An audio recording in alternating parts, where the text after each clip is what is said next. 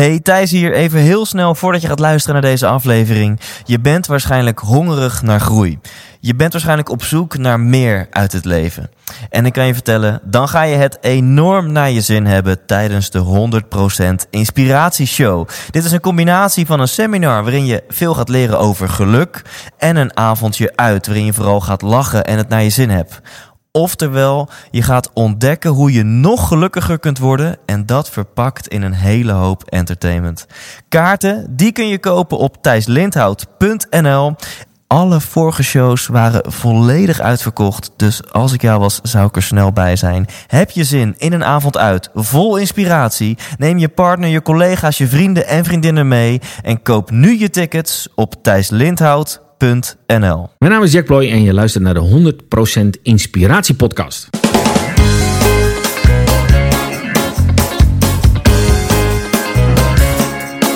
Hey, wat goed dat je luistert. Hij staat weer voor je klaar. Je wekelijkse dosis inspiratie is weer daar. De allerleukste gasten geven al hun kennis prijs. Met je veel te blije host, hij praat je bij. Zijn naam is Thijs. Thijs, Thijs,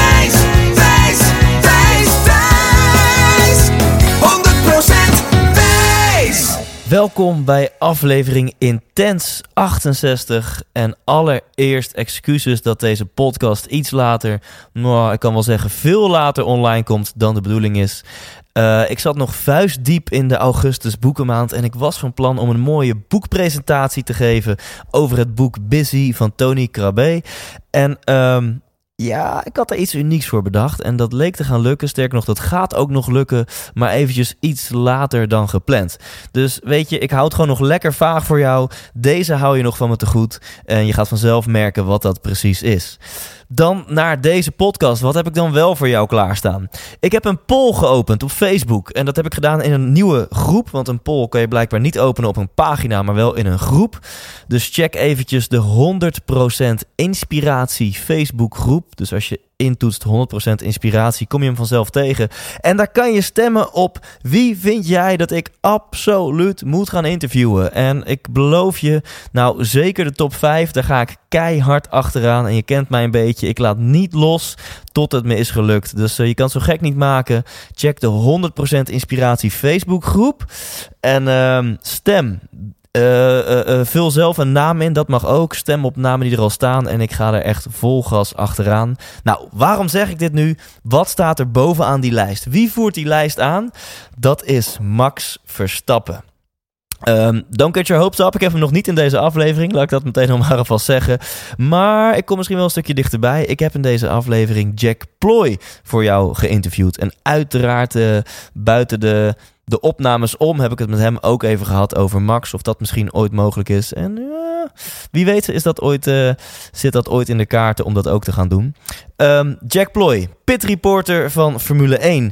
Tevens ook tandarts. Ja, dat is bijzonder. Hij leidt een, um, ja, misschien wel een dubbel leven met zijn ene been in zijn tandartsenpraktijk, met zijn andere been in de wereld van Formule 1. Waar ga ik het met Jack over hebben? We gaan het hebben onder andere over zijn eigen succes, zijn eigen verhaal. Um, onder andere ook omdat hij zo'n interessant leven leidt. En hij deelt met mij zijn nummer één inzicht. Eigenlijk zijn nummer één inzicht om krachtig in het leven te staan. Om, jou, ja, om echt jou te leven. En dat is tegelijkertijd het nummer één inzicht wat ik um, nou, na een stuk of 50, 60 interviews heb opgedaan. Dus dat is interessant dat we volledig op één lijn liggen. Uiteraard gaan we uitgebreid filosoferen over Max Verstappen. We gaan ontleden wat maakt nou dat Max de succesformule bezit. En, en hoe groot component is strategie of geld of geluk? Hoe groot component is talent, is mindset? Dus we gaan lekker filosoferen over het succes van Max Verstappen. En last but not least krijgen we nog een waanzinnige anekdote over Michael Schumacher. Uh, ik zelf ben een best wel Formule 1 fan.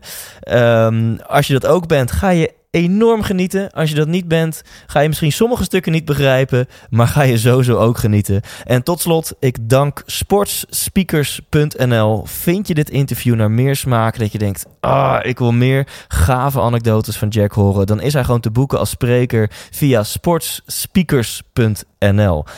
En voor nu is hij helemaal voor jou in de 100% Inspiratie Podcast. Geniet. 100% Thijs! Tegenover mij zit iemand die volgens mij iets meer interviews heeft gedaan in zijn leven dan ik. Misschien wel maal duizend. Eh, Jack, eerste vraag aan jou. Wat wil je worden als je later groot bent? Eh, ja, Thijs, oeh, je overvalt me met deze vraag. Ehm, wat word ik later groot? Ja, ik ben al groot. Dus, ehm, ja, ik denk dat ik al eh, geworden ben wat ik wil. En dat is? Tandarts en ehm, verslaggever, sportverslaggever. Dus geen journalist, Thijs. Heb ik je zo genoemd? Nee, nee, nee. Nee. Heel veel mensen zeggen, oh, een journalist. Ja. Nee, ik ben helemaal geen journalist. Nee, je voelt je geen journalist. Nee, ik heb ook daarvoor geen opleiding gedaan, weet je. En, en eh, toen, ik aan, eh, of toen de juffrouw aan een zes jaar oud Jackje vroeg... wat wil je worden als je later groot bent? Tandarts. Ja? Ja, ja, ik wilde wel heel... eh, Nou, eigenlijk was het kaakchirurg. Ik vond het chirurgische werk wel heel erg eh, indrukwekkend. En, eh, dat moest je vroeger moest je de weg van tandarts eerst doorlopen. Dan kon je daarna specialiseren tot kaakchirurg. Maar ehm, naarmate de studie vorderde, zag ik wel dat dat een kansloze missie was. Want je moest dan na zes jaar tandheelkunde ook nog eens vijf jaar geneeskunde doen toen. En eh, dat vond ik helemaal niks. Ik, ik ben wel een klusjesman, dus dat, Ja. dat friemelen met mijn handen vond ik wel leuk. Ja. Maar in die boeken duiken was niet mijn maar favoriete hobby. implantoloog, daarvoor heb je ook wel in boeken moeten duiken. Ja, maar dat was, dat was een specialisatie na de studie tandheelkunde. Dus je wordt eerst tandarts. Ja? En dan eh, doe je daarna een specialisatie. Dat was toen nog niet in Nederland, want ik ben heel, heel oud thuis. Dus toen ik afstudeerde, eh, bestond het helemaal nog niet. Ah, ja. En toen moest je dus voor die cursussen naar Amerika en naar Frankrijk. En dat ben ik toen allemaal gaan doen. En mezelf een beetje aangeleerd, cursusjes gedaan. En toen eh, werd dat in Nederland een beetje populair. Toen is er opeens een eh, beroepsvereniging opgericht. Toen werden wij via een soort regeling opeens standaard implantoloog. En nu moet je daar dus heel veel jaren Ja. opleiding voor doen. Die is toen gemaakt, gebouwd, nieuw. En ik denk dat een deel van mijn luisteraars nu al helemaal vastloopt. Ja, zo van. Jack Ploy, we, we gaan het nou over tandheelkunde hebben. Wat is dit? Nou, jij bent dus ook implantoloog. Ehm, daar gaan we het zo over hebben. Die, die Formule 1 passie, zat die er dan ook al in vanaf zes jaar oud? Of is die er later? Nee, nee, dat is pas later gegroeid eigenlijk hoor. Ik- Als je daar een leeftijd aan moet hangen, ik denk puberteit.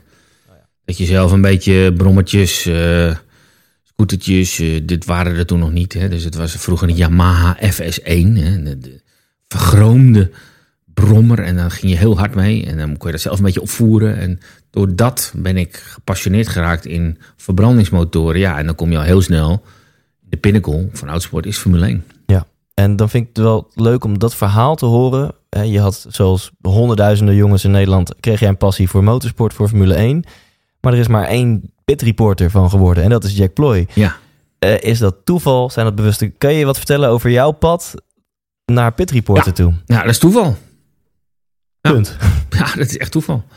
Ehm, ik werkte op de universiteit in Nijmegen. Want toen ik afstudeerde als tandarts in eh, 1986... was er geen plaats in de herberg. Eh, de regering had toen besloten dat er een beperkt aantal tandartsen nieuw op de markt mocht worden toegelaten. En eh, ik viel buiten de boot. Dus het advies van de toenmalige beroepsvereniging was... u kunt u ook vestigen in het buitenland. Heel fijn dat je ouders eh, krom liggen voor een studie. Dat je afstudeert en er is geen plaats voor je. Echt beleid van lik me reet. Ja. Maar goed, dat kennen we natuurlijk in Nederland. Ehm, de, dus wat ging je doen? Ja, wat moet ik doen? Wat moet ik doen? Wat moet ik doen? Ik studeerde af. Een professor waar ik les van kreeg, verhuisd van Amsterdam naar Nijmegen en zegt: Joh, wil je niet mee? Want wij zoeken jonge medewerkers en dan kun je promoveren. Dan kun je dokter in de medische wetenschappen worden. Ik zeg: Zo, dat lijkt me wel wat DR. In Nijmegen ligt dicht bij Duitsland. Dus we dachten: Weet je wat? Ik combineer het gewoon. Ik ga eh, promotieonderzoek doen. En daarna, daarnaast doe ik een leuk praktijkje in Duitsland om de hoek. Gezellig, klein, leuk. Ja. Maar dat is dus volledig allemaal uit de hand gelopen. Ehm, we zijn naar Nijmegen verhuisd. Eh, promotieonderzoek, daar was echt geen ruk aan thuis. Echt helemaal niks. Ik zat de hele dag op zo'n beeldscherm te loeren. En getalletjes in te typen. En dan ging de hoogleraar eh, stiekem met mijn dia's er vandoor. Oh ja. Die ging leuke Ja. voordrachtjes geven. Ja. Dan zei hij ook nog ijskoud tijdens die mensen allemaal in de zaal dat hij dat was. Ja. Bloedlink. Houdt dus helemaal niet van, hè, als je gaat pochen met andermans veren. Dus ik vond het helemaal niks. Ik, vond ik voelde me daar zo ongelukkig op de universiteit. Ik vond het helemaal niks. Dus ik kwam in aanraking op zoek naar vertier in Nijmegen met een raceteam. Dat in Nijmegen gevestigd was. En dan ga nog gezellig mee. Weekendje naar Zandvoort. Leuk, eh, leuk gezellig. Eh, neem je als VIP-gast mee. Vinden we, nou, leuk. dus ik ga naar Zandvoort. Ben te gast van Team Verschuur. Had ik nog nooit van gehoord. Maar ja, ik was daar te gast. En ik zit daar gezellig een beetje op Zandvoort. Nou, dat vond ik eigenlijk hartstikke leuk. En ik zit dat team een beetje gade te slaan. En één grote chaos in dat team. Die coureurs van dat team die winnen niet. Omdat ik denk dat het een klerenzooi was. Ja. Dus ehm, de baas van het team vraagt aan het eind van de dag... Nou, fijn dat je er was, Jack. Hoe vond je het? Nou, weet je het echt weten? Ja, ik zeg, ik vind één grote band hier. Oh, zei iemand. Oh, hoezo? Ik zeg, nou joh, dit- dat klopt niet en dat klopt niet. En die gasten lopen hier maar een beetje en weer te rennen... en dit en dat niet. Dus als je er vijf wegstuurt, eh, gaat het veel sneller. dus die teamman zegt, wat doe jij volgende week? Ik zeg, nou, volgende week zondag niks. Hij zegt, ga gezellig mee. Dan zitten we in Luxemburg. Neem ik je nodig je weer uit. Kijk er dan eens naar en kijk maar eens wat je vindt. Ik zeg, nou, onder één voorwaarde wil ik dat doen. Maar niemand mag weten dat ik eigenlijk tandarts ben. Ik wil dat je me gewoon als teammember dan neerzet. En gewoon Ja. is Jack. En die is gewoon... eh, pff, ja, de Jack komt hier de boel een beetje organiseren. Oké, Ja. Zo is het begonnen. Dus ben ik meegegaan. Nog een keer meegegaan. Nog een keer meegegaan. Dat team gaat successen boeken. Wordt eh, Europees kampioen in een Renault Clio-klasse. En de prijs was dat je dan in het voorprogramma van een Formule 1 race mag rijden. Dat is in Monza. 24 jaar geleden. Dus 93, als ik even snel eh, reken, zoiets. 100 jaar geleden eigenlijk bij wijze van spreken. Ja. Dus ik zit daar in Monza. En ik kom daar als jongetje in de snoepkast. In de Formule 1. Ik Ja. mag er gewoon bij zijn, Want weet toen je. was jij nog geen pit reporter. Toen Nee. was je nog onderdeel Nee. van een team Ja, in, in de. Clio-klasse. Ja, maar ik kende natuurlijk wel Olaf Mol en al die andere gasten. Omdat je op Zandvoort elkaar wel tegenkomt. Op Oh. Zolder of in Luxemburg. Op al die racebaantjes Ja. kom je elkaar toch een beetje tegen. Dus Ja. je zegt hallo en eh, je stelt jezelf voor aan Olaf. Ik ben fan van jou, want je bent verslaggever. Ja, Jack, wat leuk. Ah, tandarts. Ah, doei. Dus we kennen elkaar wel een beetje. Ja. Dus eh, ik loop in Monza en de Formule 1 heeft een eh, sterke neiging om de pitstraat schoon te vegen als de support races, want zo heet dat dan, Ja. geweest zijn. Ja. Dan komt er een beveiligingscordon die veegt de pitstraat schoon. Als jij niet de goede pas om hebt en je loopt daar... Wegwezen. qua mensen bedoel je? Van iedereen eruit. Ja. Eruit, eruit. Ja. Heb jij geen goede pas op? Weg. Ja. Wat is jouw pas laten zien? Nee, weg. Ja. Maar ik had al snel gezien dat ze die passen niet heel goed controleren. Ik deed dus mijn pas zo in mijn overhemd. Ja. Dat je van een afstandje leek het wel alsof ik een goede pas om had. Maar die belangrijkste gedeelte van die pas was Oh ja. achter mijn overhemd. Ja. Dus ik verschoon mezelf in de pitbox, in de wc. Ik ging gewoon op de play zitten. Ja. En ik had gezien dat ze voorbij kwamen met dat touwtje. Die pis was gewoon. Ik bleef daar gewoon even een paar minuutjes zitten. Kijk door de kier van de deur. En hup, hup, ze waren voorbij. Hup, liep ik weer terug de pizza in. En leek het net, als je van een afstand kijkt, alsof ik daar gewoon hoorde. Ja. Dus dat was geweldig, jongen. Ik, toen had je nog fototoestellen, hè? nu heb je telefoons. Mhm. Toen had je zo'n klein fotostelletje. En ik foto's maken, foto's maken. Geweldig, jongen. Ik liep helemaal te glimmen. Want ik liep dus gewoon Ja. in het heilige der heiligen. Jij liep, liep- ik als fan. Ja. En niemand Ja. kon me wegsturen. Ik kon daar gewoon vijf minuten blijven staan. Of tien minuten blijven staan. En de teams begonnen de auto's voor te op, bereiden en sleutelen. alles. En- Ik kon alles zien. Foto's maken. dus op een gegeven moment eh, word ik op mijn schouder getikt. Ik kreeg een hartje van. Ik denk, oh shit. Ja, ik moet eruit hè. Ze hebben me. Ja. Betrapt. Was Olaf Mol. Wat doe jij hier? Ik zeg, vertel eens, ik ben even aan het gluren. Hij zegt, ben je de hele dag nog hier? Was zondagmorgen. Ik zeg, ja, ik hoef pas vanavond te vliegen. Hij zegt, welk vliegen? Ja, ik zeg, vliegen. Hij oh, dan zit ik ook terug naar Amsterdam. Ja. Hij zegt, niet bewegen. Hier blijven staan. Ik ben pas over een kwartier terug, maar niet bewegen. Dus ik blijf staan, ik wacht. Kwartier later komt Olaf terug met een hesje van Renault met Formule 1 logo erop en een portofoon. Hij zegt, mooi, dit hesje mag je nu aan. Nou mag je hier officieel zijn. Tijdens de race loop jij hier en weer in die pitstraat en je lult door de microfoon of door de, door de portofoon heen wat je ziet. Dus als jij uit ziet vallen, eh, Henk met een lekker band, roep je naar mij, eh, een beetje, beetje Henk hier, lekker band. Zo is Pit Reporter ontstaan. Olaf zei in zijn uitzending toen, we hebben een pitspion. En ik hoor zojuist van mijn pitspion, dat, dat, dat. Maar ja, ik wist natuurlijk helemaal niet de weg in die pitstraat. Ja. Want jij kwam niet live op de ether. Jij kwam alleen bij Olaf Ja, binnen. Die luisteraars. Ja. Nou, en zei Ja. tegen, de, tegen de mensen, tegen de kijkers, van eh, mijn pitspion zegt zojuist. Maar ja, ik denk, hoe ga ik dat nou eens doen, hè? Want ik werd overal weggestuurd natuurlijk. Ja. Die pitstraat word je overal weggestuurd. Aan de kant, aan de kant, aan de kant, opzij, opzij, opzij. Ja. Maar ik zag wel dat de Oostenrijkse televisie, die was met een pitreporter en een cameraman, die liepen toen door de pitstraat. En die kregen wel overal toegang. En die mevrouw, dat was een vrouwelijke collega, die deed allemaal interviews met die gasten. Die denkt, ik sluit me bij hen aan. Dus ik ga naar die mevrouw toe. Ik zeg, ik ben Jack. Ik loop even mee. Ja, is goed joh. Dus ik loop met die mensen mee. En zij doet in het Duits een interview. Bijvoorbeeld met Gerhard Berger. Dat kan ik me nog. Dat, dat is het enige wat ik me nog echt helder voor de geest heb. Dat Gerhard Berger die valt uit in die race. En die had dus een lekker band.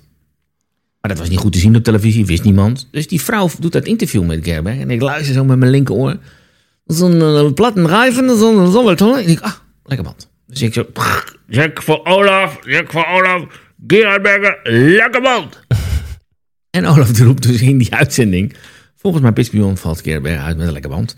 Dus ja, dat was heel slim. Want ik liep gewoon lekker met die mevrouw mee de hele Ja, wedstrijd. Ja, En ik hoorde van alles. ja. Dus Olaf was natuurlijk laaiend enthousiast. En ja, die vroeg natuurlijk niet van... hoe heb je dat nou geflikt, joh? Dat je zo snel al die informatie overnam. Maar ja, het was eigenlijk een beetje afgekeken. Ja. Ik liep gewoon mee met de Oostenrijkers. Ja, ja, prachtig.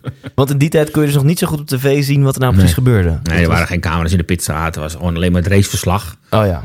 slag van eh, de baan, de baan, de baan. En er waren niet camera's in de pitstop, want dat is best link. Want er gebeurde natuurlijk van alles in de pitstop. Toen werd er nog getankt, weet je. Dan waren de Ja. pitstops nog gevaarlijk. Gingen, vlogen er nog banden in de ronde. Ja. Dus wilden ze geen camera's Ja. toen in de pits. Dus het was allemaal niet goed zichtbaar. Dus zo is het begonnen. Ik vind het een is waanzinnig verhaal trouwens. 24 jaar geleden. Ja, maar, maar dat is nog semi-legaal, zeg maar hoe je dat toen hebt gedaan. Eh, daar, daar werd je nog niet voor betaald. Nee, De- was toen de, de volgende Grand Prix? Ik weet niet nee, wat- nee, nee, ik, ik vloog toen eh, met Olaf mee terug. Want dat was de afspraak. Ik mocht met de auto, met, met de huurauto mee terug. En dat was een leuk idee. En Olaf zei van, eh, ik kom er nog op terug. Tijd lang niks meer gehoord. Nooit meer wat gehoord. En ehm, RTL kreeg toen de rechten van de Formule 1.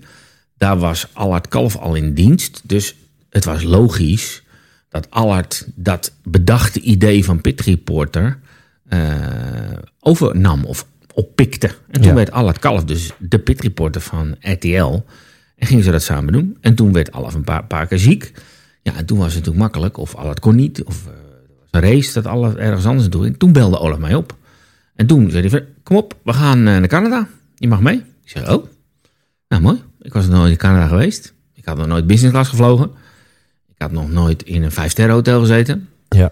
En dat gebeurde toen opeens. Boom. En toen eh, ging ik al het iets meer vervangen. En toen kwam er een keuzemoment van, ja, eh, wie moet het nou worden? ja. En toen eh, ben ik het geworden. En dat is, waar hebben we het over? Ja, dat Wel- welk jaar dan? Dat weet ik niet meer. Heb geen idee. Dat was in de negentiger jaren Ja. ergens. Toen Dus heb je voor RTL een aantal jaren gedaan. Toen voor SBS. En toen gingen de rechten weer terug naar RTL. En dat, dat is ook wel een leuk moment. Ehm, dat was een enorme teleurstelling. Ik was echt zo ongelooflijk teleurgesteld. En link en kwaad. Dat eh, de rechten gingen van SBS naar RTL. En wij hadden, Olaf en ik hadden bij SBS een hartstikke leuk eh, opgebouwd, grote fanbase. We hadden leuke items gemaakt met elkaar. Het zag er allemaal hartstikke leuk uit. En eh rechter naar RTL. Oké, dus moeten we weer opnieuw onderhandelen. Moet je weer naar RTL-baas. Ja. Dus we hebben een afspraak bij de RTL-baas. Ik zal geen namen noemen, maar hij is getrouwd met de presentatrice. En wij zitten tegenover die beste man. En die zegt, ik heb goed nieuws en ik heb slecht nieuws. Je kent het wel, hè? de bekende gesprekstechniek.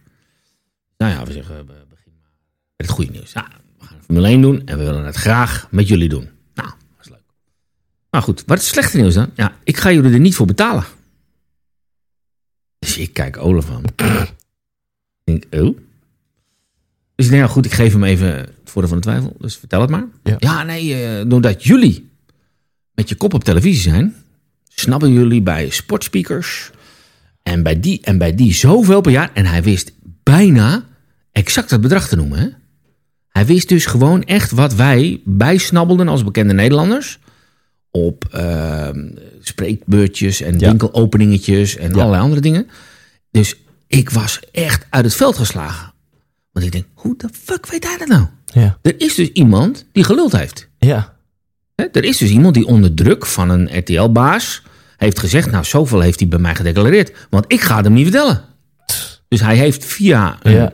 Kennisrelatie heeft hij achterhaald wat wij voor Sportspeaker en al de andere Ja. klusbedrijven bijbeunen. Toen zei hij, nou, dat geld verdien je alleen maar omdat ik je op televisie breng.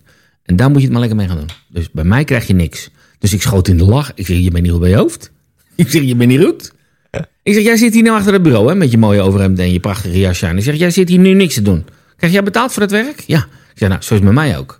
Als ik ergens naartoe ga om te werken, ga je mij betalen. Ik zeg, we kunnen over de hoogte van het bedrag kunnen we discussiëren en hoe we dat invullen met z'n allen. Maar voor niks werken? Never, nooit niet. Ik stond op, ben weggegaan. Ik heb Heerlijk. nooit meer voor RTL gewerkt. Heerlijk. Maar eh, toen heb je dus, ben je toen een tijdje geen pit Nou, toen zijn we gescheiden. Ja. Want Oh. Olaf, ehm, dit is Olaf zijn leven en zijn passie en zijn alles. Dus ik had er alle begrip voor dat Olaf niet die keuze kon maken. Ja. Olaf, eh, dit bedoel ik niet lullen, maar Olaf heeft niets anders dan dit. Ja.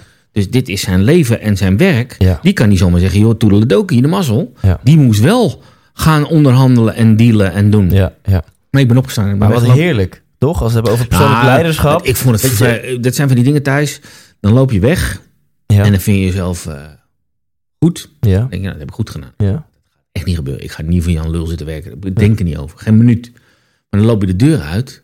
En dan realiseer je dat je Formule 1 carrière, als je dat zo mag noemen, is over. Is klaar. Je kan geen afscheid nemen van je vrienden, want de race begint weer in, in Melbourne.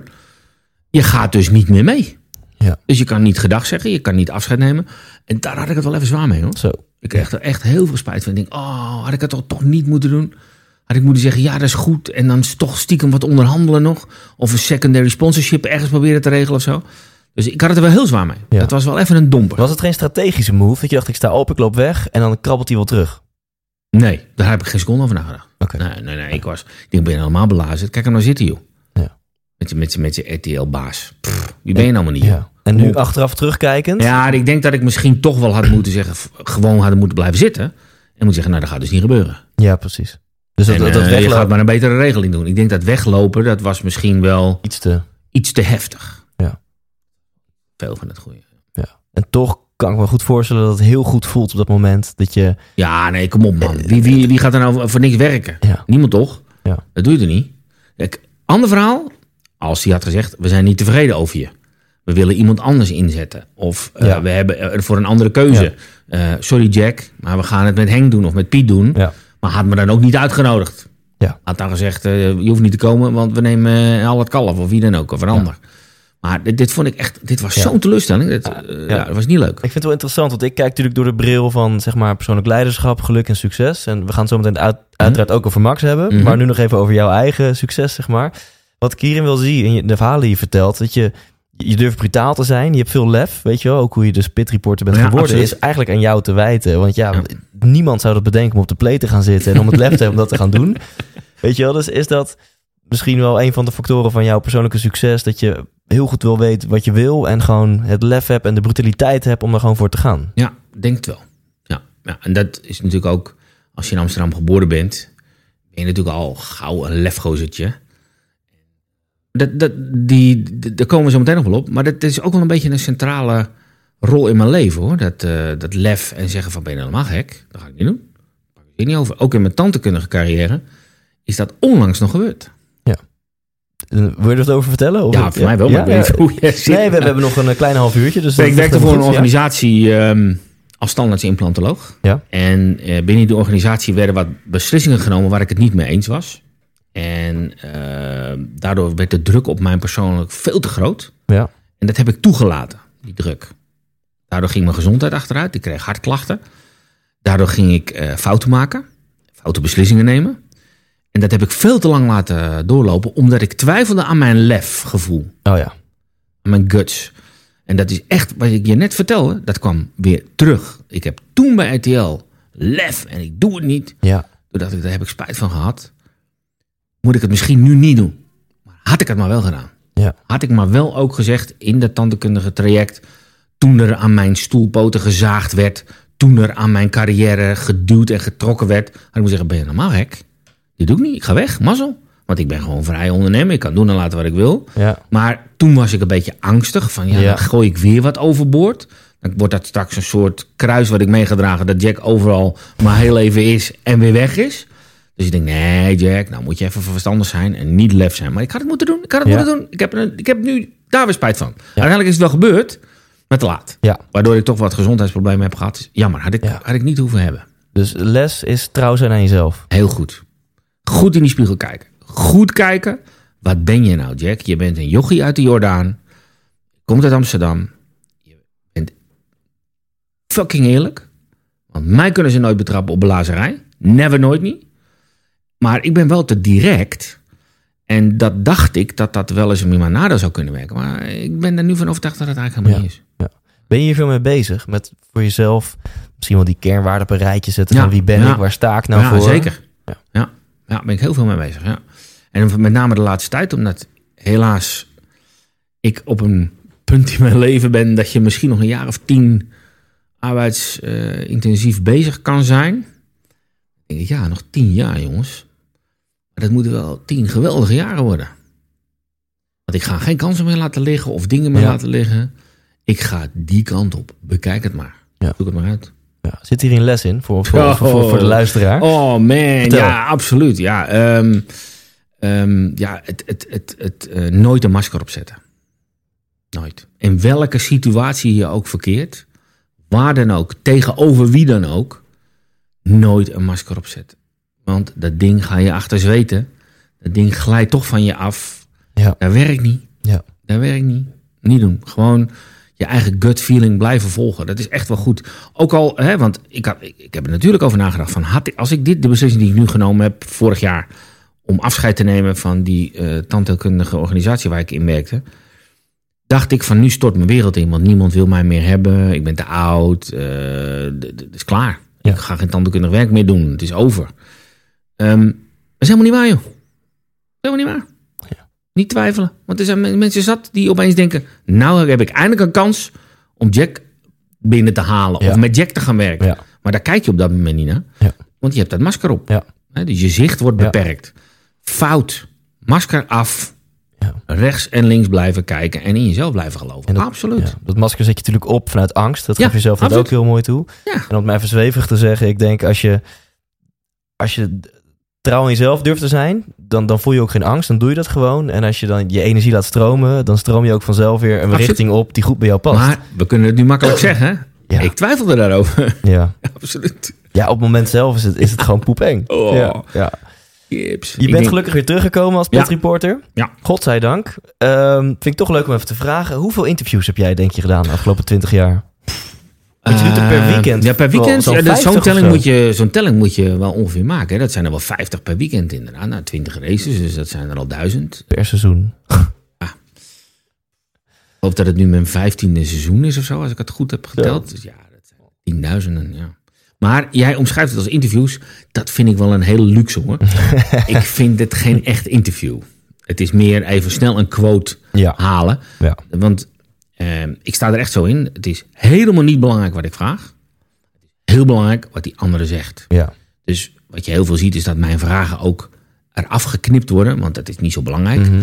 Ik wil graag dat die gast wat zegt Ja. waar we wat aan hebben. Ja. En dat is vaak mijn slinksigheid. Dat ik op een, een wat langer aanloopje, wat je vaak niet op televisie ziet. Ja. Je via een aanloopje naar die vraag komt waar het eigenlijk om gaat. Ja. En die wordt uitgezonden. Of tenminste, het antwoord op die vraag wordt uitgezonden. Je bent aan het schaken. Ja, Eigenlijk. absoluut. Ja. Ja. Ja. En laten we het even lekker over Max hebben. Ja, gaaf, Eh, man. Een mannetje van zes jaar oud. Wat toen een droom uitsprak. Ik wil wereldkampioen in de Formule 1 worden. En inmiddels is hij hard onderweg om dat Ja, te gaan gaat realiseren. gebeuren, hoor. Gaat ja, gebeuren. ben ik ook 100% van Ja. overtuigd. Eh, jij hebt Max zeg maar meer gevolgd dan de gemiddelde Nederlander. de- Dan de gemiddelde Mhm. kijker of fan. Kun je daar eens wat over vertellen? De, de tocht die Max nu toe, tot nu toe al heeft gemaakt naar zijn succes. Ja, toe. absoluut. Eh, Max ging natuurlijk eh, karten met zijn vader, Jos Verstappen. Jos was een keiharde trainer.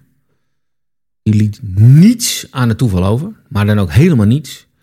Als hij ging karten met eh, Max, dan gingen er zes frames mee. Acht motoren en alles erop en eraan. En alles uitproberen. Twintig soorten banden, noem het maar op. Hè. Dus alle mogelijkheden werden Max aangeboden. En je zult het eigenlijk niet geloven. Maar als klein ventje was Max heel timide. Heel rustig mannetje. Eigenlijk een soort, soort, soort van verlegen. Ja. Verlegen mannetje. En dat is ook best lastig. Als je vader wereldkampioen, of eh, fout, ja, wereldkampioen karten eh, Ja. of eh, Formule 1 rijder is, Ja. of geweest is, dan is dat natuurlijk best lastig. Ja. En ik kartte ook met mijn zoon en Jensen Button met zijn vader en Lewis Hamilton met zijn vader. En dankzij dat netwerk van vroeger heb ik nu die kans gekregen om weer eh, die leuke gesprekjes met die gasten te voeren. Ja. Want ik stond dus gewoon naast de vader van Jensen Button aan een vreselijk vies bakje koffie op een kartbaan ergens in Frankrijk.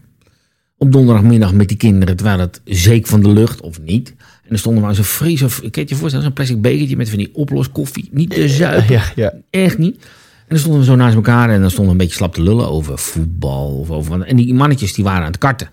Of achter ons aan het voetballen. Hè? Dus eh, mijn zoon met Max, met, met Esteban Ocon, met Lewis Hamilton, met al die gastjes die nu Formule 1 rijden. En dat waren toen allemaal kleine We kindertjes. hebben het nu dus over 15 jaar geleden stond jouw zoon een potje te ballen Ja. met Ocon en Hamilton en Verstappen. Ja, dat was gewoon heel normaal. Want die gasten karten allemaal, die kennen Ja. elkaar allemaal. Alleen mijn zoon kartte in de Jupiler League. Ja.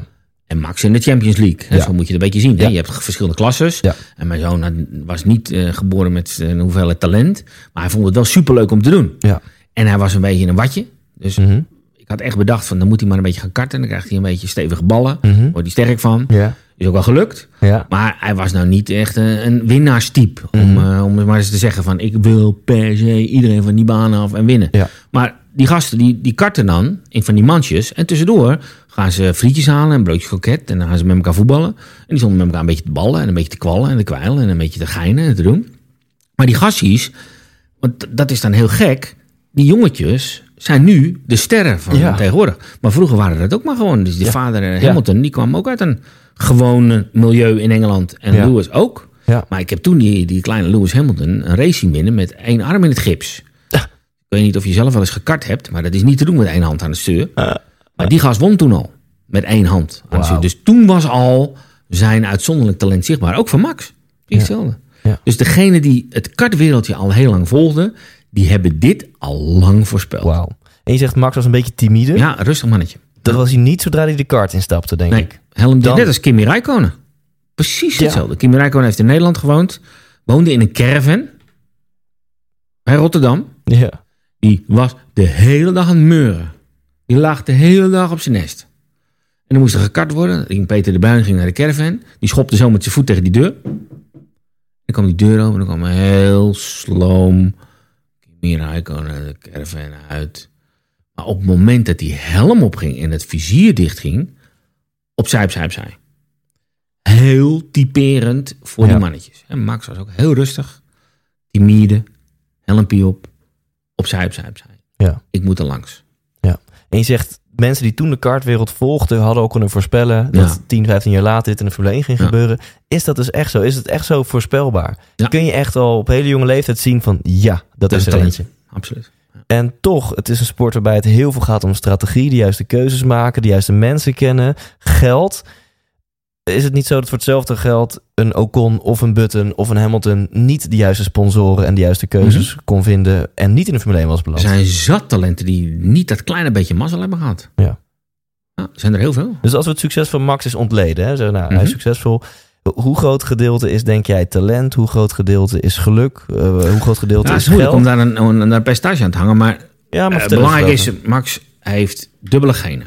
Wat een heleboel mensen niet weten, is dat zijn moeder eigenlijk nog beter kon karten dan zijn vader. Naar verhouding. Sophie van Kump. Die Ja. kon echt een partijtje karten. Dus alles wat bij Max erin zit, is racen. Alles. Alle genetische bouwstenen racen. Als je Max een wond heeft op zijn arm of zijn been, komt er geen bloed uit, maar benzine.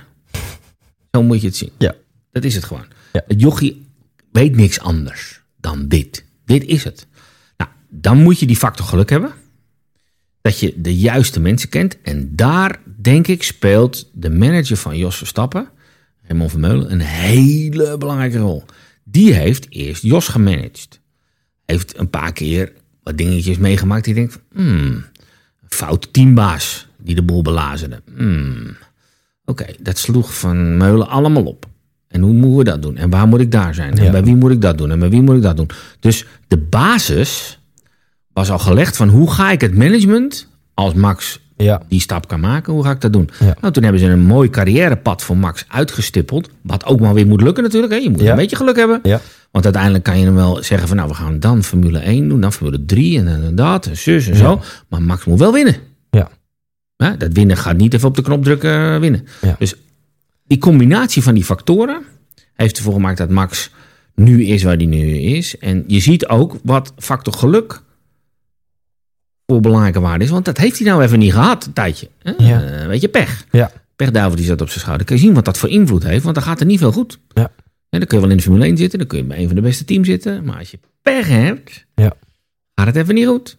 Dus eigenlijk Jos had al een, heel carrière, een hele carrière gehad in Formule 1. Met zijn manager. Die hebben al heel snel doorgehad. Oké, oeh, dit ging niet zo goed. Dit waren foute keuzes. Wat hadden we nou anders kunnen doen? Ja. Dus eigenlijk, Jos heeft een soort van voor de troepen uitgegaan. Ja. Heeft alle fouten gemaakt. Zodat ze bij. Max opnieuw konden beginnen. En Ja, vanaf begin af aan. Absoluut. Ja. Absoluut. En wat ik tot nu toe eh, erg meemaak, is dat eh, de manager ook van eh, Max lekker met zijn voet op de grond blijft. Oh, weet je wel? Ja. Ook nog steeds naar die races komt. Niet opeens gaat zweven of gek gaat doen. Dat er allerlei andere machten. Nee, gewoon, dat gaan we niet doen. Ja. We gaan zo het contract regelen en we gaan het zo niet doen en we gaan het zo wel doen. Ja, en ik vind eh, dat team rondom Max is echt supergoed. Die houden de deuren goed dicht. Ja. Er gebeurt niet veel ellende. Dus ehm, ik vind het prima. Goed. Rustig, rustig, kalm. Hey, en zie je Max veranderen? Want toen hij 2,5 jaar geleden in die Toro Rosso stapte... Ja, Toen was hij nog niet, laten we even zeggen, een, een, een BN'er of, of überhaupt een wereldklasse celebrity, zeg maar, die die nu is. Toen hij in die Red Bull sta- eh, stapte en ook zijn eerste race won, nu ineens kent iedereen Max Verstappen. ja, geweldig. Ehm, Ja, hij was echt mooi. hoor. De eerste keer dat hij dan in zo'n Formule 1... had hij nog van dat dons op zijn kin. Met die pukkeltjes er doorheen. Hij had eigenlijk nog geen Ja, schaamhaar toen hij Formule 1 auto instapte. Echt geweldig, jongen. En met een beetje overslaande stem nog. en nu opeens eh, groeit er een baard. Ja, ja. En eh, is hij verzekerd. Ja, superleuk om te zien Ja. hoe, hoe, die, hoe die volwassen Ja. aan het worden is. En zie je hem veranderen door de, door de roem en bekendheid en aandacht. Eh, ik zie hem veranderen door de kritiek. Vertel. Nou, hij, heeft natuurlijk een hoop te verstouwen gehad van eh, pech. Nee, hij is helemaal geen pech. Hij kan het niet of eh, hij rijdt veel te wild of wat dan ook. Mhm. En daar is hij heel hard door geworden. Oké. Of moet ik zeggen, van, van als je eh, van een zacht gekookt ei naar een medium gekookt ei, weet je die, dat hard. Het is nog niet keihard, Ja. maar je ziet gewoon dat ehm, die dreunen die hij voor zijn kanus heeft gehad, die hebben hem wel eh, ietsje rustiger Ja, en, en, en hard in welke zin? Goed, hij kreeg natuurlijk behoorlijk wat te versturen, weet je wel. Pech en eh, gedoe. En eh, Kimi Räikkönen van de baan. En eh, even een voorbeeldje voor, voor, voor, voor de verduidelijking. Wij dachten allemaal dat hij laatst met Felipe Massa een akkefietje had... waar wij met z'n allen eigenlijk van vonden dat Max gelijk had. Maar Max, wordt niet, Max wordt gestraft Mhm. en Felipe Massa niet. Ja. Dus als je de, dan de letter van de wet volgt, hebben we het verkeerd. Ja. Want de marshals, de FIA, kiezen voor Felipe Massa. Ja. En niet voor onze Max. Ja. Dus dat is toch een dreun. Daar ga je toch over nadenken. Van, heb ik het nou, heb, heb ik het nou niet gezien? Ja. Wat heb ik nou fout gedaan? Ja. Want wij dachten allemaal met z'n allen, nee, er is niks aan de hand. Eh, hij liet geen ruimte. Ja. Dus die dreunen op je kop, een weekend, en naartoe leven, goede prestatie, goed kwalificeren en uiteindelijk weer uitvallen. Ja. Ja, die, die, die dreunen snap ik. En ik Ja. ben benieuwd, in welke zin zie je dan dat hij harder aan het worden is? Zie je Ja, dat ik weet niet. Ik zie het aan zijn gezicht, ik zie het aan zijn ogen. Ehm, hij, hij, hij, ehm, hij is wat meer behoedzaam. Ja. De- zie je het als iets negatiefs? Denk je dat dit zijn pad op weg naar wereldkampioen... Oké, Slim. oké. Heel slim. Hij moet, hij moet keihard worden. Ja, oké. Hij moet als een buffel worden. Alles naar zich neerleggen. Zijn pad blijven volgen. Ja. Even terug naar waar we het een minuutje of tien geleden over hadden. Maskertje moet af. Ja. Wat wil je? Die kant op. Ja. En laat het allemaal gaan. Want hoe belangrijk is het nou? Wij- zitten nu lekker hier even lekker tegenover elkaar te kletsen. Maar hoe belangrijk is het hem allemaal, joh? Wat is er nou belangrijk dat Piet van jou vindt? Helemaal niet belangrijk. Ja. Ga het eruit, man. Wat hij van van mij vindt. Hè, die mensen die op Twitter mij eh, doodverwensingen sturen, ik lach ze dik uit. Ik vind het echt geweldig. Ja. Ik stuur alleen maar terug, bedankt voor je advies. Jij ook. Veel Ja. plezier. Ja. Doet me helemaal niks. Maar dat is toch bizar dat je, Ja. jij- je- dit, dit, dit gebeurt. Jij? Jack Ja, Roy, krijgt ja. doodsbedreiging via Twitter. Ja, wil je ze even lezen? Ik kan ook de namen ervan noemen van die gasten, want die hebben natuurlijk allemaal niet hun eigen naam. Hè? Ja, Maar het is allemaal nou, ik Piet, ben eh. Piet het, eh, het, eh, weet ik veel, met Maar- een schuilnaam. wat is hun motivatie om jou Ah, je kan helemaal geen vragen stellen, man. Klootzak, ga dood. Ah, dat, soort fratsen. Bizar. Echt niet te geloven. Echt bizar voor woorden. Ik, weet- ik wist niet dat het bestond. Bizar, hè? Ja, ik wist niet dat dat... Want ik ben ook wat ouder. dus Facebook en, en Twitter en Instagram ging een beetje aan mij voorbij. Ja. Maar eh, onlangs eh, was Ziggo Sports een verzoek of we toch een klein beetje wilden Facebooken. En of we toch een klein beetje wilden Instagrammen. Ja, ja, ja. Dus ik ben dat gaan doen op mijn oude leeftijd. En ik sta verbaasd. ja. Dat mensen onder hun schuilnaam van alles maar schreeuwen en maar roepen. Totaal niet belemmerd door enige vorm van kennis. Mhm. Maar ja, Mhm. ik zie het zo. Die mensen weten zelf niet wat ze zeggen, weet je. Dus eh, het ligt aan die mensen die dat roepen en niet aan mij. Kijk, ik, ik sluit mijn ogen niet. Dus als er iemand eens een keer zinvol wat opmerkt en denkt... Ah, oké, Ja. dat vind ik wel een goeie. Ja. Dat heb je wel een klein puntje. Dus ik, ik pak er wel wat dingen uit waarvan je denkt... Oké, maar dit soort debielen, joh, die alleen maar roepen van... Joh, je krijgt de kleren, je kan helemaal niks. Je, je kan niet eens boren. Weet je, dat dat verzinnen ze Ja. van alles. En dat schrijven ze maar zomaar op. En jij hebt Vol dus- met taalfouten. Ja, ja, ja, Lach, precies. En dan denk jij, hey, dit zegt wat over hun, nikt Ja, over mij. En dat raak je niet. Ja, raakt me niet. En dat, dat moet Max, denk ik... Oké, Oh, dat moest Max, dat traject moest Max ook een beetje door, denk ik. want Laat het beschermd, naast je liggen. wordt hij heel erg beschermd eh, eh, door zijn manager of wat dan ook? Nee. Eh, Max zit zelf nog zijn Twitter feed en zijn Instagram feed Ja. gewoon te lezen. Ja. Ja, oké. Nou, Max is heel erg nieuwsgierig. Ja, Ja. Weet alles van het nieuws. Ja, Volgt alles zelf. oké. Weet precies wat er aan de hand is. Ja, hij zit zelf alles, houdt hij bij. Hey, en wat maakt nu dat ehm, Max, dat je bij hem weet, ziet, voelt, dit is een winnaar. Hij gaat wereldkampioen. Wa- Waarom heb je dat? Heb je dat bijvoorbeeld bij een Ocon of bij een Van Doornen of bij een Stroll? Voel je dat mogelijk minder? En, Ik ja, voel het bij Ocon ook hoor. Oké. En wat, is het dan, zeg maar? Want jij hebt dus 15.000 interviews Mhm. gedaan. Je hebt al die gasten gezien van hun achtste tot hun 28ste. Mhm. Dus jij kan heel goed voorspellen en al zien in, in iemands ogen of in iemands houding van ja of nee. En wat, wat is dat dan? Dat is een hele goede vraag. Wat is het verschil tussen eh, andere talenten en Max? Ehm, ik zet Esteban Ocon ook wel op zo'nzelfde niveau. Waarom?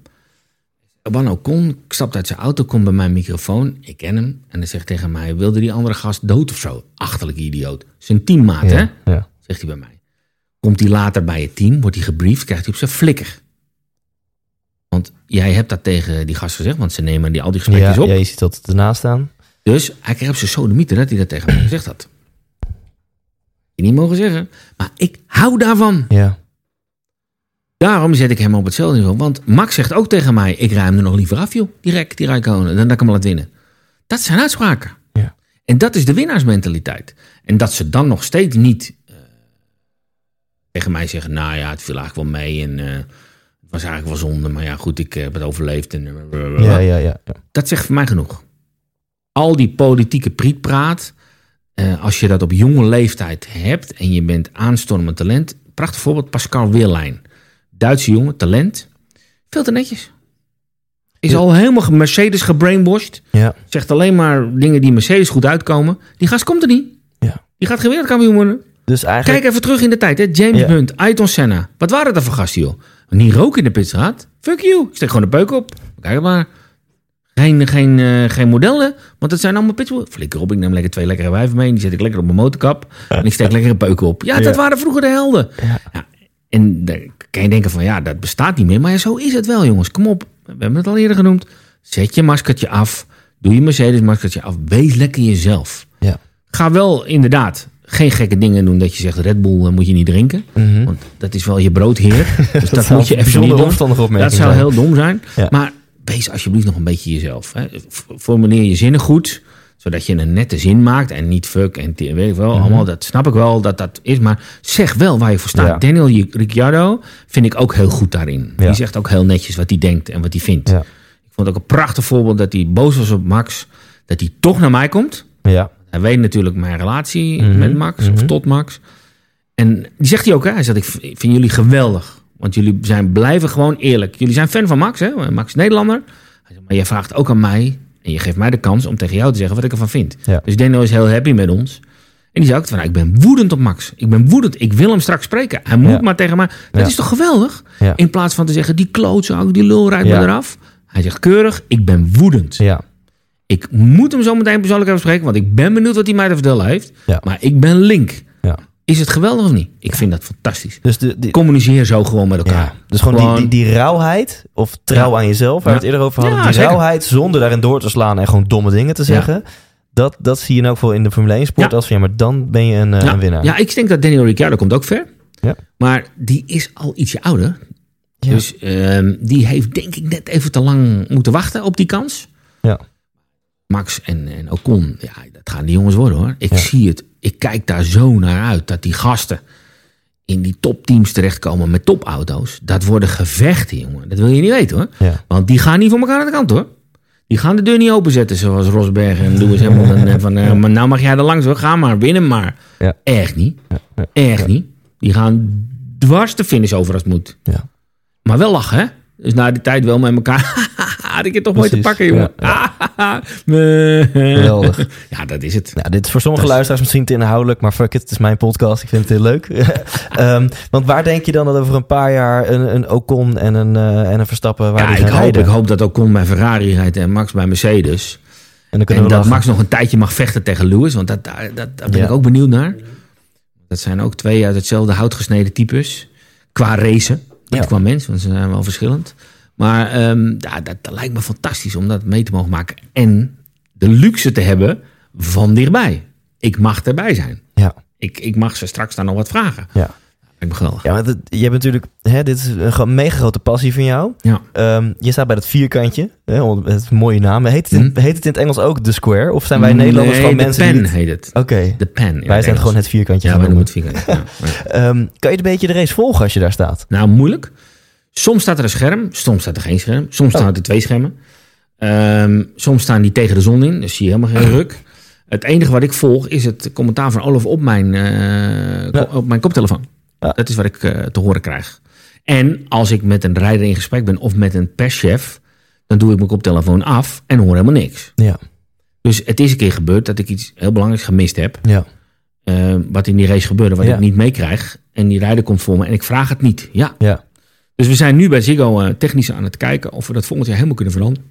Ja. Dat ik dus te allen tijden de race kan zien, Ja, een afkijken heb en een koptelefoon heb, zodat ik me altijd mezelf kan horen, maar dat ik ook altijd het raceverslag kan horen. ja. Dus dat je wat meer informatie krijgt. Maar dat gaat over zoveel geld. Bijvoorbeeld, eh, een leuk, leuk voorbeeldje hoe, hoeveel geld het allemaal kost. Om mij continu op de race te kunnen laten horen en apart te kunnen praten, Ja. moet je dus een extra zendertje mee. Dat kost 100.000 euro recht om die mee te mogen nemen uit frequenties. Want meneer Ecclestone heeft bedacht dat al die uitzendfrequenties worden goed beschermd. En die moet je kopen. Dus alleen op de rechten? We Om hebben het te over- hebben we nog niet over apparatuur? Nee, Over het meevliegen en inhuren en regelen. Nee, de recht om dat uit te mogen zenden kost al 100.000 euro. Hartstikke idee. En dan, jij hebt, jij hebt een cameraman bij je. Ja, die kost een- ook, eh, een geluidsman tonnetje. misschien ook bij je. Nee, want die kost ook weer extra. Ja. Dus dat doen we niet. Ja, En als je dan nog een keer wat wil, nog een camera, kost weer 100.000 euro. Dan heb je de cameraman nog niet gehuurd. Dan heb je de camera nog niet gehuurd. Maar dan heb je het recht om nog een cameraman te mee, moten, mee Ja, te mogen zo. nemen. zo. Ja, het gaat om heel veel geld. Ja, nou, ge- gelukkig eh, legt Max uh, Sport geen windeieren. Denk ik. weet het Want niet. Ik, Ik denk heb- dat door ik- Max heel veel meer mensen eh, natuurlijk eh, gaan kijken. Die getallen zijn voor ons niet eh, zichtbaar. Oké, oké. En d- er komen coureurs bij dat vierkantje. Er komen twintig coureurs bij dat vierkantje.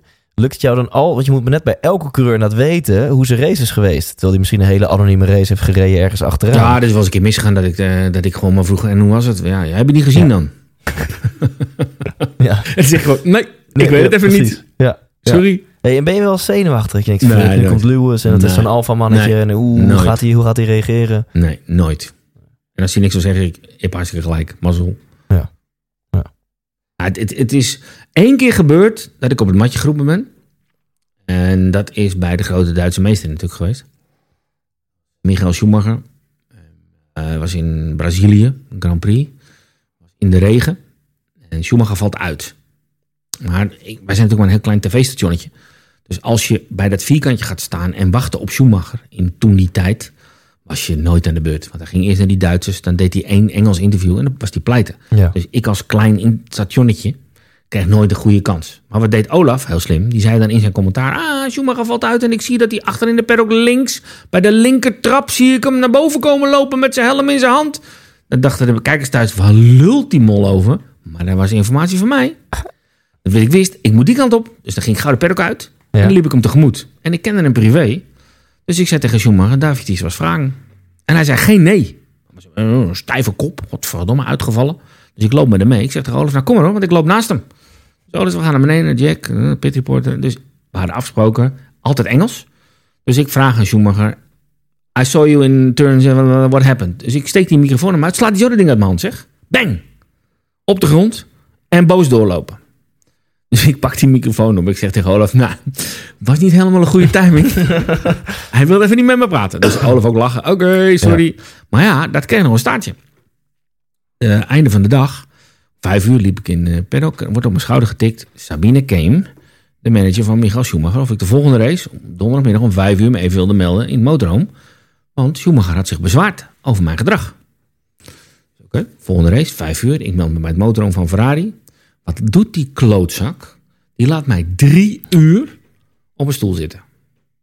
Nou, als je iets bij mij niet moet doen, is dat. Want er was een assistent die zei: Ga even hier zitten. En, uh... Respect. Ja. Drie uur. Toen mocht ik naar boven.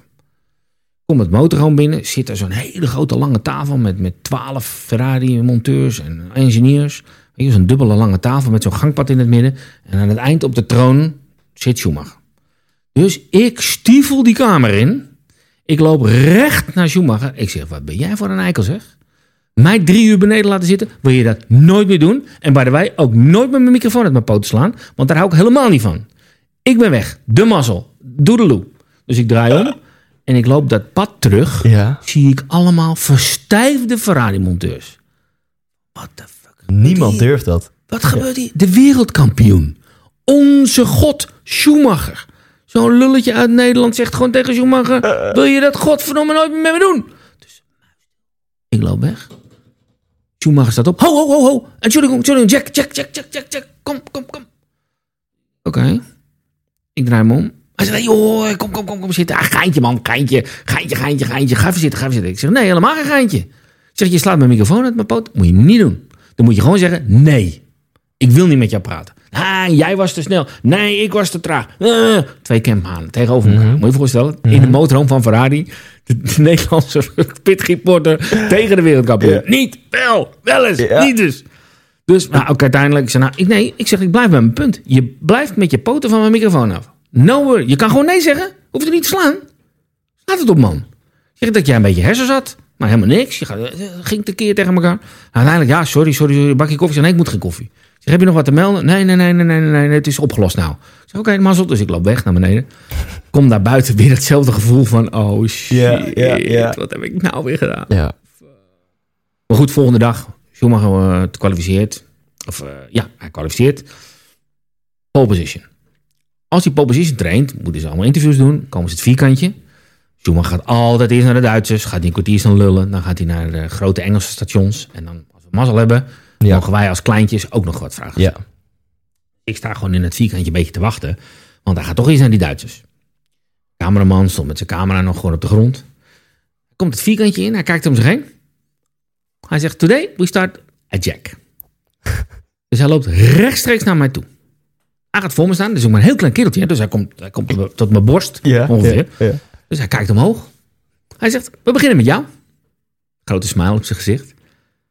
Dus er flitst door mijn hoofd. Wat moet ik doen? De camera was nog niet aan. Dus ik denk, fuck it. Ik zeg, I don't have a question for you. Ah. Dus hij schiet in de lach. Hij denkt, wat de fuck heb ik nou weer? Ik zeg, nou, ik heb helemaal geen vraag voor jou. Ik wacht op die andere. Nou, als blikken konden doden, was ik toen dood geweest. Ja. Hij denkt, wat doet hij nou weer, die gek? Dus hij bleef me zo aankijken. Hij zegt, ik ga hier niet weg voordat jij mij een vraag stelde. Voorstellen, al mijn collega's in het vierkantje, die snapten er natuurlijk helemaal geen ene reet van. Want die weten niet wat Ja. er allemaal gebeurd Maar is die dag wa- was jij nog gewoon pist? Was ja, je nog steeds ik was boos? wel een beetje pist ja. op hem. Ja, Ja, ja, dat ik, klinkt de groeten ermee. De mazzel.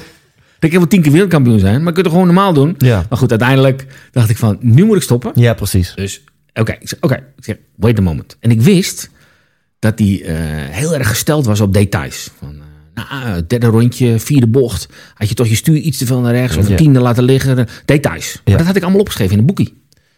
Keurig op, hè. Maar dat onthoud je allemaal niet. Mhm. Eh, dus ik denk, even mijn boekje pakken. Ik zeg, eh, one second. boek, kan ik dat verrekte boekje niet vinden, zeg. Dus ik voel mijn linkerzak. En hij dacht dat ik hem nog, nog aan het treiteren was. Maar ik kon het boekje echt niet vinden. Ik had het ergens gestopt, in mijn zak Ja, of in mijn ja, rugzak ja, of in mijn kontzak of bij de cameraman. Dus op een gegeven moment de cameraman draait. Die staat eigenlijk helemaal zo te shaken. want die denkt, schiet nou op met die vraag. Dus ik wist dat gewoon niet. Dus uiteindelijk vroeg ik maar gewoon van, eh, nou vertel maar, wat gebeurde er? Hoe heb je het beleefd? Ja, ja. Dus hij schoot in de lach. Houdt hij een fantastische one-liner natuurlijk. En nog een one-liner erachteraan. En hij liep weg, high-fiven. En toen ging hij naar de Duitsers. Wauw. Waan, echt, ik wil nog... Volgens mij kun jij nog wel honderd Ja. anekdotes vertellen, maar dan moeten mensen jou maar gaan boeken, toch? Via Ja, absoluut. Kunnen ze het horen. Maar eh, Ja. wat ik even, Ja. nog even terugkomen op je eerste punt. Hè. Maskertje af, Thijs. Ja. Ik was gewoon Jack. En ik denk, ja, dat kan wel tien keer wereldkampioen zijn. Het is goed ermee. Dat gebeurt gewoon niet. Dat doet er niet. Je slaat toch niet iemand de spul uit zijn handen? Dat doet er niet. Dat is niet normaal? Dus boodschap, inderdaad. Geloof in jezelf. Blijf waar je bent. Heel klein. Hè? Hou dat cirkeltje klein om je heen. Blijf daarin. Dan komt altijd goed. Ik eh, mag je nog on the spot zetten. Dat kan in één minuut. Er zijn een aantal tegenstellingen, moet je er eentje kiezen. Oké. Ik wil trouwens eigenlijk eh, eh, de Dutch Inquisition met jou doen. Ah, ja, nee. Ja, toen keek ik vrijdag eh Ja. één café. Dacht ik, nou, weg, origineel idee. Ik zag net je metro-interview. Ja, die deden nou, ook niet hetzelfde. Ik was, Ja. dus ik ga je on, On the spot, spot. zetten. Ja. Komt die stad of dorp? Stad. TV of Netflix? Ik, ma ik heb geen rode kaart, hè? nee, nee, nee. Eh, Netflix. Gevoel of verstand? Gevoel. Praten of luisteren? Praten. Boek of podcast? Boek. Sinterklaas of kerst? Kerst. Bier of wijn? Bier. Jong en onbezonnen of oud en wijs? Oud en wijs. Beatles of The Stones? Beatles. Nooit meer seks of nooit meer muziek? Nooit meer muziek. Ferrari of Tesla?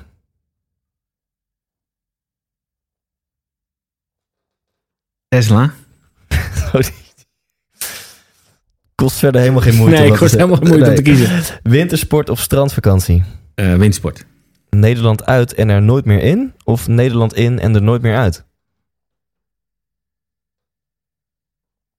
Nederland uit en er nooit meer in.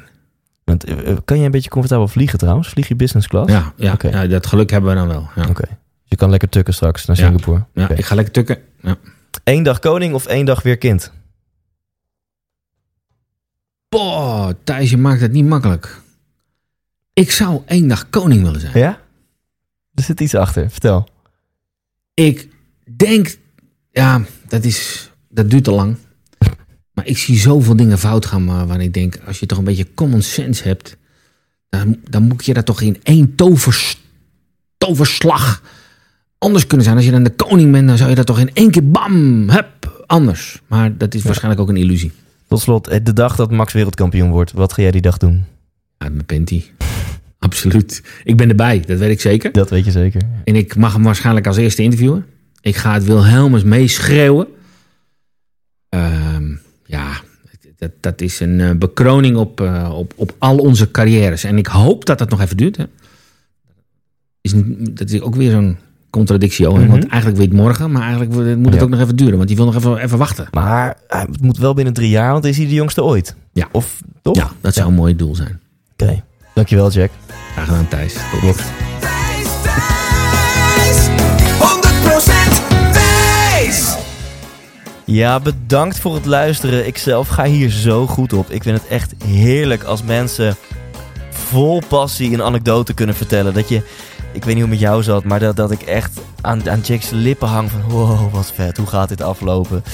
Ehm, ik vind het heerlijk. Vond jij dat ook heerlijk en smaakt dit naar meer? Dan is Jack gewoon te boeken als spreker via sportsspeakers.nl. Dat is dus met dubbel S in het midden. Sportsspeakers.nl. Daar kan je Jack boeken voor een inspirerende lezing. Ehm, check vooral ook nog eventjes de 100% Inspiratie groep op Facebook. Die vind je gewoon onder de naam 100% Inspiratie. En stem. Wie moet ik volgens jou interviewen? En eh, laat meteen ook al jouw vrienden, kennissen en familie stemmen op jouw favoriet. Want dan ga ik daar vol gas achteraan. En dan komt deze persoon zeer waarschijnlijk binnenkort hier in deze podcast. Tot volgende week. Leef intens. Hey, wat leuk dat je hebt geluisterd naar deze aflevering. En als je het nog niet hebt gedaan, waar wacht je nog op? Ga nu naar thijslindhout.nl en koop je tickets voor de 100% Inspiratieshow. We gaan lachen, we gaan muziek maken en vooral gaan we samen op zoek naar geluk en succes. Neem je vrienden, je vriendinnen, je partner, je collega's mee. Koop nu je tickets op thijslindhout.nl